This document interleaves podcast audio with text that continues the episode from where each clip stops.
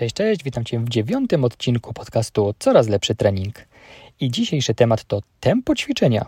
Czy w ogóle warto je stosować i liczyć słynny TUT? Czym w ogóle jest ten TUT? Tego dowiesz się od dzisiejszego odcinka. Widziałeś kiedyś te tajemnicze cyfry w niektórych programach treningowych? 4.0, 2.0, 3.0, X1, 3.1.2.1, 5.0.2.0. O co w tym chodzi? To jest tempo, z jakim powinno być wykonane ćwiczenie. Niektórzy uważają, że tempo powinno być zapisywane do każdego ćwiczenia. Inni, że to zbyteczne.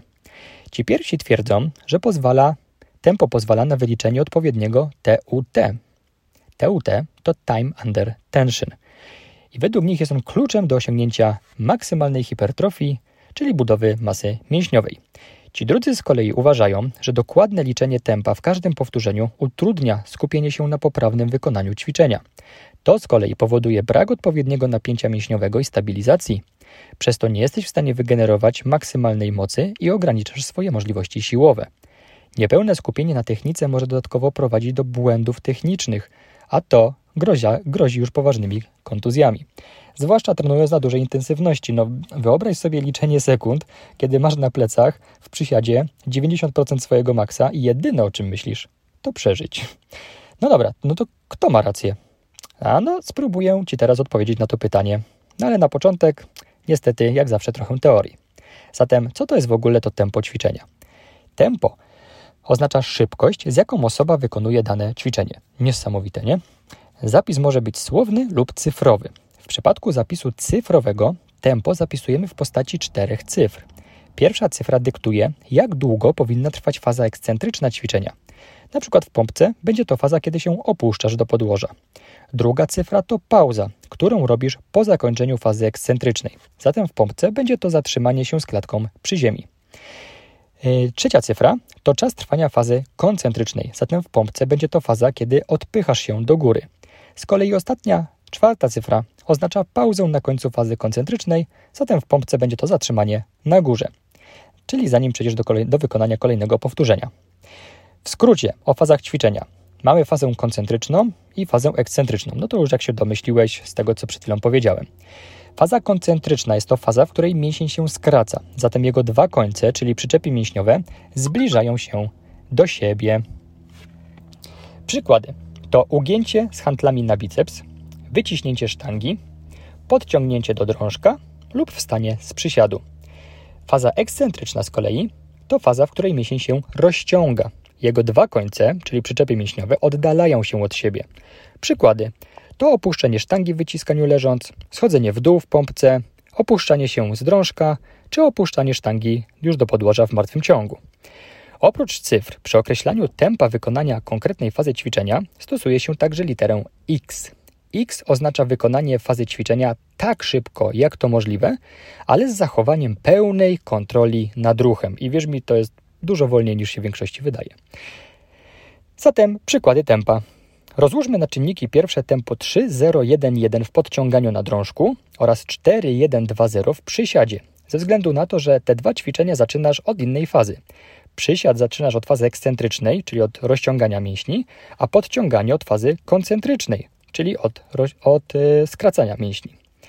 Przysiad w tempie 4, 1, 2, 0 oznacza 4 sekundy schodzisz w dół do przysiadu, 1 sekundę zatrzymujesz się w tej pozycji, 2 sekundy wstajesz z ciężarem i żadnej pauzy na górze, od razu przechodzisz do kolejnego powtórzenia. Podciąganie w tempie 3, 0, 1, 1. Jedną sekundę podciągasz się nad drążek, jedną sekundę zatrzymujesz się, 3 sekundy się opuszczasz i bez przerwy od razu przechodzisz do kolejnego powtórzenia. Tempo można również zapisywać słownie. Wówczas można wyróżnić następujące rodzaje tempa. Mamy tempo eksplozywne, czyli dynamiczne, bardzo, bardzo szybkie. Potem mamy już tempo szybkie. Następnie tempo normalne, czyli umiarkowane. Potem tempo kontrolowane, wolniejsze niż normalne. No i na końcu tempo powolne. No dobrze, jakie jest zatem zalecane tempo w zależności od poziomu zaawansowania? Dla nowicjuszy i początkujących zaleca się stosowanie tempa w zapisie słownym. Dlaczego? Ano, żeby zamiast na liczeniu sekund to mogli skupić się na poprawnej technice ćwiczenia. Będąc na tym poziomie zaawansowania, powinieneś ćwiczyć w tempie wolnym, kontrolowanym albo umiarkowanym. Osobom bardziej zaawansowanym zaleca się tempo w formacie cyfrowym oraz regularną zmianę tempa ćwiczenia, tzw. Tak periodyzacja tempa, ponieważ może to pomóc im przezwyciężyć stagnację w treningu. Poprzez zmianę tempa ćwiczenia wprowadzasz do treningu nowy bodziec, do którego Twój organizm będzie zmuszony się zaadoptować. Z tempem ćwiczenia związane jest pojęcie TUT, o którym wspomniałem już na wstępie, a które to teraz właśnie wyjaśnię. Tempo ćwiczenia, a TUT. TUT, czyli czas pod napięciem, z angielskiego time under tension. To coś dyktuje ilość czasu pod napięciem, na jaki wystawiasz swój aparat ruchu. Na przykład wykonanie serii 12, 10 powtórzeń przysiadów ze sztangą na plecach w tempie 2-0-1-0 no zdecydowanie różni się od tego samego ćwiczenia, ale wykonanego w tempie 5-1-2-0. No i różnica będzie właśnie w tym TUT. W pierwszym wariancie TUT będzie wynosiło 30 sekund pod napięciem, a w drugim aż 80, czyli o 50 sekund dłuższy czas. Czas, w trakcie którym Twoje mięśnie są wystawione cały czas na działanie sił zewnętrznych. Zmiana tempa ćwiczenia według niektórych ekspertów to jest bardzo dobry sposób na ciągły wzrost siły i masy mięśni, kiedy już Twoje ciało zdążyło się zaadoptować do określonego schematu treningowego, no i ciężko jest Ci już dalej progresować. No dobrze, tylko że powyższe założenie ma pewną istotną wadę. Ono zakłada, że w różnym tempie wykonasz dokładnie tyle samo powtórzeń. Mamy badanie, które pokazało, że to założenie jest dosyć nietrafione. Porównano w tym badaniu dwa protokoły. Jedna grupa uczestników wykonywała e, schemat trzy serie, maksymalna ilość powtórzeń, jaką dali radę, z obciążeniem równym 80% swojego maksa. I raz ćwiczyli w tempie, aha, jed, jed, raz, e, grupa była jedna grupa, tylko raz ćwiczyli w tempie ten sam schemat. Raz ćwiczyli w tempie 2-0-2-0, a raz nie mieli założonego tempa. Mieli sobie sami regulować prędkość ruchu. No i w tym drugim przypadku czas trwania jednego powtórzenia wyniósł średnio troszkę ponad 2,5 sekundy. Okazało się, że w momencie, kiedy uczestnicy sami mogli dobrać sobie tempo ćwiczenia, byli w stanie ukończyć średnio, uwaga, 10 powtórzeń więcej niż kiedy mieli z góry ustalone tempo. No i w takim razie, co możemy z tego wywnioskować? Po pierwsze, no, ta, ci w drugim wariancie znacznie zwiększyli swoją objętość treningową. Objętość, czyli większy podniesiony ciężar w trakcie serii. No, zrobili 10 powtórzeń więcej, to nie jest mało. A co więcej, mimo że oni ćwiczyli szybciej każde powtórzenie, to dzięki temu, że zrobili tych powtórzeń więcej, to byli dłużej wystawieni na napięcie mięśniowe. Wiemy, że jednym z głównych czynników wzrostu masy mięśniowej jest odpowiednia objętość treningowa, tak? Czyli no jednak musisz trochę tego żelastwa przerzucić, y, czy, no, czy tam z własną masą ciała poćwiczyć, żeby mieć odpowiednie efekty. No to czy w takim razie ta większa objętość przy tym samym czasie pod napięciem dałaby nam w dłuższym terminie lepsze przyrosty masy mięśniowej? No i na to badanie to, na to pytanie to badanie niestety nie odpowiedziało. Natomiast Greg Nuckols napisał kiedyś artykuł The Hypertrophy Rep Range, Fact or Fiction, czyli czy w ogóle te słynne zakresy pod, że na siłę to jest od 1 do 5 powtórzeń, na masę mięśniową to jest 6 do 12, niektórzy podają do 15, a więcej to już jest wytrzymałość. Także że te zakresy, czy te zakresy są faktem czy fikcją, to już jest temat w ogóle na odrębny artykuł, bo to też nie jest łatwy temat. Natomiast w tym artykule Greg zaproponował, żeby pod kątem masy, budowy masy mięśniowej seria trwała zazwyczaj od 20 do 60 sekund. Natomiast podkreśla, że jest to tylko wynik jego obserwacji, no i konsultacji z innymi trenerami, a nie wynik jakichś e, dokładnych badań naukowych. No to jakie w takim razie tempo ćwiczenia powinny stosować bardziej zaawansowane osoby? No i tu z kolei dr Mike Zurdos podaje następujące zalecenia. Faza koncentryczna powinna być wykonana najszybciej jak to możliwe, ale z zachowaniem pełnej kontroli nad ruchem. Dzięki temu możesz osiągnąć większe przyrosty siły w porównaniu ze spowolnioną fazą koncentryczną. I wierz mi, że zachowanie pełnej kontroli motorycznej nad ruchem jest dużo trudniejsze niż się w większości wydaje. Ruch trwa wtedy znacznie dłużej niż mogłoby ci się wydawać. Wierz mi. Faza ekscentryczna powinna być wykonywana w Twoim normalnym tempie, co pozwoli na wykorzystanie pozytywnego oddziaływania tzw. Tak cyklu rozciągnięcie skurcz i dzięki temu będziesz maksymalnie mógł wykorzystać szybkość fazy koncentrycznej. No i oczywiście ponownie należy podkreślić wagę utrzymania pełnej kontroli nad ruchem. Zatem, kiedy warto stosować tempo, a kiedy nie? Skoro zapis cyfrowy nie sprawdza się ani u początkujących, ani też nie do końca u zaawansowanych, to czy w takim razie powinno się go w ogóle stosować? Teoretycznie zasadniczo nie ma potrzeby, aby tak no, w cudzysłowie utrudniać sobie życie. Praktyka pokazuje, że nawet osoby zaawansowane, w tym trenerzy, mają problem z prawidłowym zapisem i czytaniem tempa w wariancie cyfrowym. No a wystarczyłoby tak naprawdę dać ogólne zalecenie typu powoli w dół, szybciej do góry. Jeżeli uważam, że za, że za szybko ktoś zrobił, to mówię zwolnij i tak dalej. No i każdy to zrozumie. Pauzy izometryczne też można zapisać słownie. Na przykład, ok, podciągasz się do drążka, możesz zrobić pauzę na górze na sekundę, dwie, no i myślę, że się nie pomyli, gdzie ta pauza ma być. Dokładne liczenie tempa przydaje się jednak w sytuacji, kiedy masz problem z utrzymaniem odpowiedniego tempa ruchu i wiesz, że znacznie je przyspieszasz, przez to często gubisz kontrolę motoryczną. Innym przykładem będzie automatyczne przyspieszanie ruchu, bo nie lubisz danego ćwiczenia i po prostu chcesz mieć już je jak najszybciej za sobą. Wtedy z pomocą przychodzi liczenie dokładne sekund. Będziesz miał pewność, że odpowiednio wykonałeś założenia treningowe. No i niestety to tyle, jeżeli chodzi o lekką naukę. I dalsza część jest dosyć nerdowska. Zatem, jeżeli e, jesteś początkującym i nie chcesz słuchać teraz jakichś głębszych wywodów, no to spokojnie możesz śmiało wyłączyć już e, podcast. Natomiast jeżeli jesteś ciekawszy, e, bardziej skomplikowanych kwestii, jeżeli chodzi o, o tempo, o budowę masy mięśniowej, no to zapraszam Cię do drugiej części tego podcastu. Dobrze, tempo ćwiczenia, a rekrutacja jednostek motorycznych. Poniższe rozważania Dalsze rozważania dotyczą hipertrofii, czyli budowy masy mięśniowej. Hipertrofia mięśni jest efektem powiększania się włókien mięśniowych. To jest taka ich odpowiedź na poddawanie ich mechanicznym obciążeniom. No dobrze, mechaniczne obciążenie mięśni szkieletowych podczas aktywności fizycznych może być generowane albo poprzez kontakt z podłożem, czyli np. bieg, różnego rodzaju skoki, albo poprzez kontrolowany skurcz mięśnia, tak jak to się dzieje właśnie na siłowni. Obciążenie, któremu poddawane są mięśnie, musi być powyżej odpowiedniego progu. Zbyt małe obciążenia nie będą powodować wzrostu masy mięśniowej. No i tutaj właśnie masz odpowiedź, dlaczego większość osób nie notuje efektów treningowych, no albo zatrzymują się w pewnym miejscu i nie potrafią go przeskoczyć. W większości przypadków sprowadza się to właśnie do zbyt lekkiego treningu. No dobrze, a czym w ogóle są i za co odpowiadają te jednostki motoryczne? Podczas jakiegokolwiek ćwiczenia angażujesz do pracy jednostki motoryczne. Jednostka motoryczna to jest motoneuron wraz ze wszystkimi włóknami mięśniowymi, które on unerwia. Czyli motoneurony to jest taki rodzaj komórek mięśniowych, które służą do wywoływania skurczu mięśnia, tworząc połączenia z włóknami mięśniowymi. No, ostrzegałem, że w tej części lekko nie będzie. Także jeżeli jeszcze się trzymasz, to szacuneczek. Jeżeli trenujesz do załamania mięśniowego, to Twój układ nerwowy najpierw rekrutuje małe, wolno kurczliwe jednostki motoryczne, a następnie uruchamia coraz silniejsze, szybko kurczliwe jednostki motoryczne.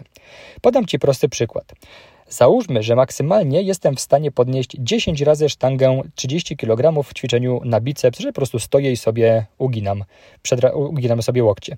Przez pierwsze trzy powtórzenia pewnie w większości używam małych, wolno kurczliwych jednostek motorycznych, bo one sobie dadzą radę. Pewnie gdzieś przy szóstym powtórzeniu te jednostki są już na tyle zmęczone, no, że nie są w stanie produkować odpowiedniej mocy, aby sprostać obciążeniu. Wtedy mój organizm zacznie uruchamiać coraz większą ilość dużych i szybko kurczliwych jednostek motorycznych. No ale w dziesiątym powtórzeniu mój organizm już zrekrutował do pracy wszystkie jednostki motoryczne, jakie mógł, i zmęczenie tych jednostek już jest na tyle duże, że próbuję zrobić jedenaste powtórzenie, ale niestety mi się nie udaje. To jest oczywiście mocno uproszczony układ, wierz mi, nasza fizjologia jest dużo bardziej skomplikowana, ale w zupełności wystarczy to, abym upewnił się, że tak wiesz o czym mówię. Te same zasady będą obowiązywały niezależnie od ciężaru. Jeżeli wezmę większy ciężar, no to zrobię mniej powtórzeń, ale dalej schemat uruchamiania jednostek motorycznych jest taki sam. No dobrze, ale co one mają, te jednostki motoryczne, do budowy masy mięśniowej? Pod kątem budowy masy mięśniowej, czyli hipertrofii, Tobie zależy na rekrutacji jak największej ilości jednostek motorycznych. Domyśla się już zapewne, że aby to osiągnąć, no należy w większości przypadków trenować dosyć blisko załamania mięśniowego, czyli momentu, w którym już nie jesteś w stanie wykonać kolejnego powtórzenia. Jednak trening do faktycznego załamania mięśniowego nie jest konieczny ani optymalny pod kątem hipertrofii. No ale to już w ogóle jest temat na odrębny artykuł. Jak daleko od załamania w takim razie możesz ćwiczyć i notować zadowalające przyrosty masy mięśniowej? Arajar na poziomie około 5-6 powinien być Twoim minimum. Jeżeli nie pamiętasz, co to jest Arajar, przesłuchaj mój poprzedni odcinek. A teraz wróćmy do głównego tematu.